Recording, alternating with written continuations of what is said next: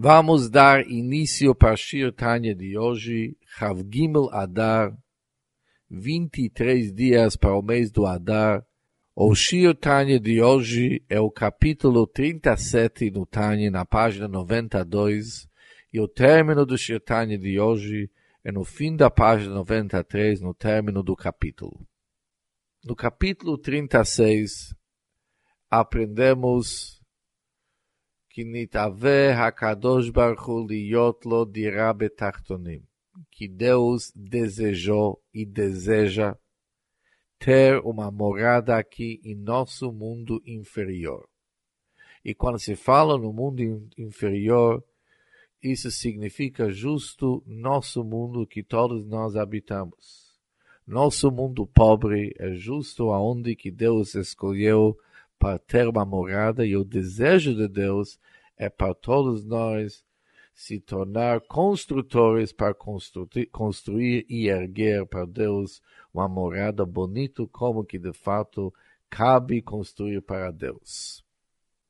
E de fato, Deus tem um grande prazer quando a escuridão de nosso mundo será transformado e convertido em luz em or, que também no nosso mundo tão pobre poderia ligar, poderia iluminar a luz da Hashem sem nenhum ester, sem nenhum ocultamento. E mais ainda, como que a luz da Hashem se encontra nos mundos superiores.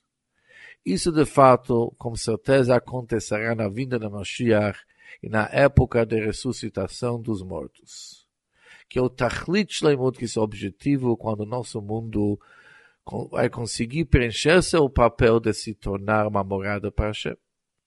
E no próximo capítulo, vamos estudar mais sobre um conceito tão fundamental e importante que é de Rabbe Tartonim, construir e erguer uma morada para Hashem em nosso mundo. Vamos entender melhor esse conceito e vamos de fato aprender com que cada um de nós já é um construtor, já está participando. Somente se nós vamos aprender bem o conceito, vamos perceber exatamente qual que é nosso objetivo. E agora vamos estudar o Shirtanya por dentro. והנה תכלית השלימות הזה של ימות המשיח ותחיית המתים. E o objetivo que nós estudamos nos últimos capítulos que é a época messiânica e a época de ressuscitação dos mortos. Que isso representa um Gilui Or em Soba Rubaolam Hazeh, que é a revelação do luz da Hashem em nosso mundo material.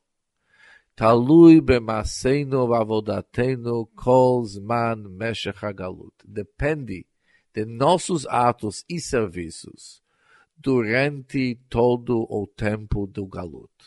Ou seja, o resultado tão importante e nobre, que é a revelação divina em nosso mundo. Que isso acontecerá na época do Mashiach e Triat. Tudo isso aqui depende bemaseinu avodatenu, em nossos atos e nossos serviços, que está sendo feito durante todo o tempo do Galut que agorem schar ha-mitzvah hi ha-mitzvah be'atzma. Pois o que causa a recompensa de um preceito é o próprio preceito. Que baseata que pelo fato de desempenhar a mitzvah, ממשיך האדם גילוי אור אינסוף ברוך הוא מלמעלה למטה. או pessoa consegue provocar e estender um fluxo de luz da Hashem de cima para baixo. Litlabesh begashmiyut olam A ser investido na parte física deste mundo. Bedavar num certo assunto ou objeto, shayat chila tachat memshelet klipat noga, sobre um assunto que antes era sob o domínio da klipat noga, do qual recebia a sua vitalidade. O Mekabel Hayutamimera. E de fato estava recebendo uma força vital dela. algo, com certos objetos que antes se encontraram sob o domínio da Klipat Noga e do qual receberam suas vitalidades. Agora saiu do domínio de Klipat Noga e de fato foi transformado para Gdusha, foi transformado para a santidade. Por isso, Baciatá, quando a pessoa faz uma mitzvah, ele logo estende uma revelação da Hashem.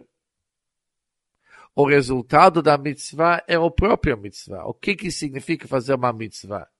Resgatar e elevar um certo objeto que se encontra sob o domínio do Klipat Noga e trazer ele para o lado do Gdushá. Isso, de fato, já é recompensa. Shehem. Eles são todas as coisas. Hatorim e Mutarim, puras e permitidas. Shenased bahem a mitzvah masit, que os mitzvot masiot, os preceitos de ações são feitos como eles. Por exemplo, Kigon, por exemplo, Klav hatfilin, o pergaminho usado para fazer tefilin, ou pergaminho usado para fazer uma mezuzá, ou para fazer um sefer Torah. O pergaminho é algo que antes se encontrou sob o domínio do Klipat Noga e foi transformado para o lado de Gdusha, o que Marazal, como ensinado pelos rabinos, Lohurshar limlechet shamayim, não é apropriado para um propósito da Hashem, sagrado, elo terrorim umutarim befich. Somente aquele que é puro e permitido para o consumo. Vechein assim também etrog. Para poder fazer a mitzvah do etrog, tem que usar um etrog no orla, que não é orla.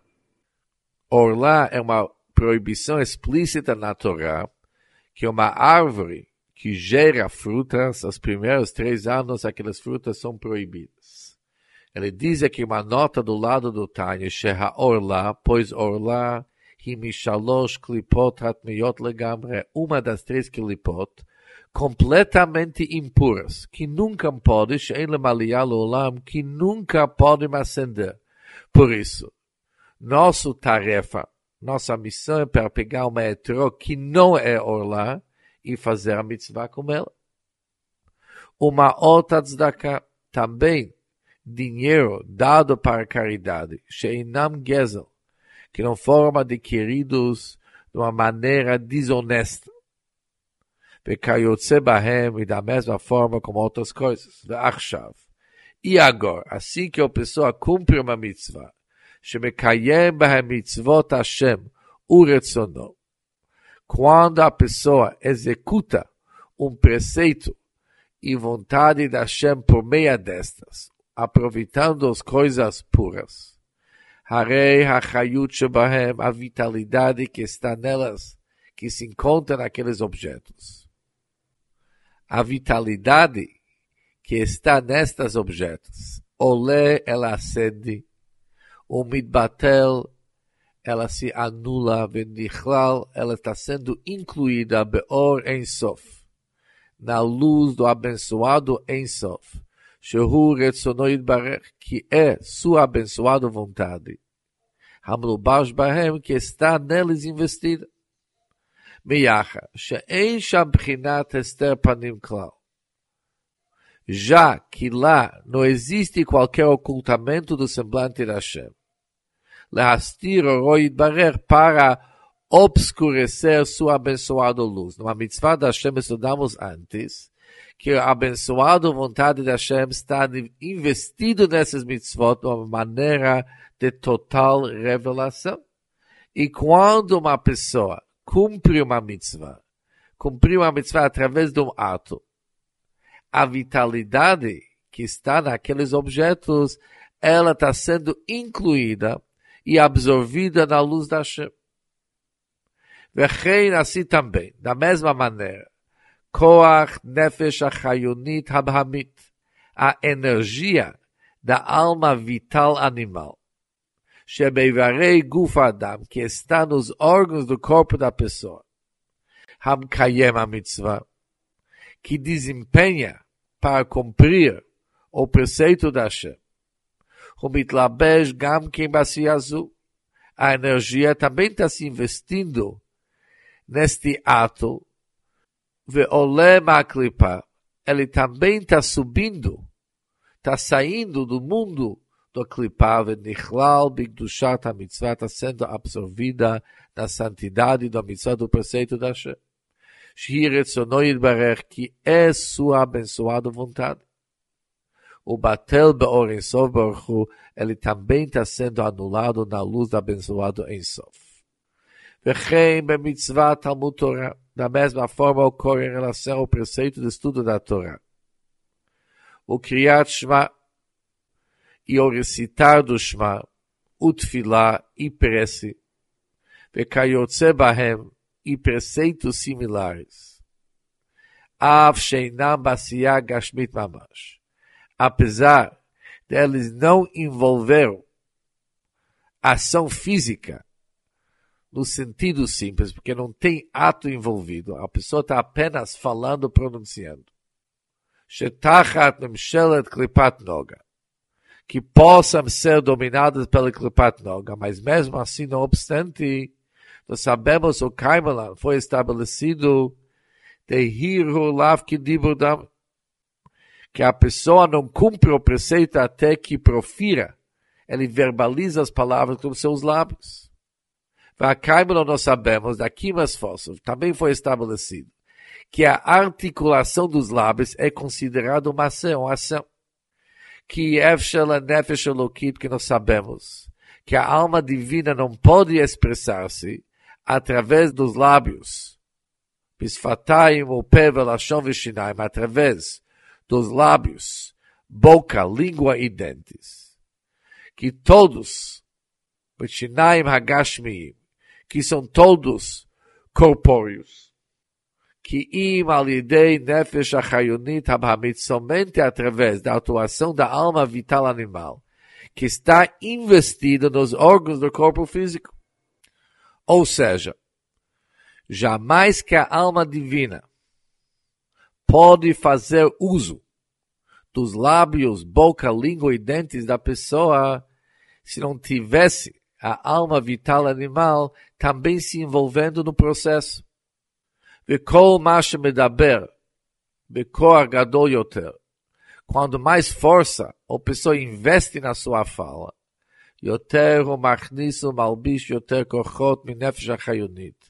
mais energia da alma vital ele introduz e investe nestas palavras. E com isso aqui ele consegue elevar e transformar também sua alma animal e vital. Vezeu a Katuf. Este é o sentido do verso. Kol atzmotai tomarno, todos meus ossos vão declarar. Todos meus ossos, porque aqui nós temos já o envolvimento da alma animal que ele de fato está despertando forças e energia para poder acompanhar a alma divina. Zeu Shamru Razal, isso também é o que os rabinos da abençoada memória disseram.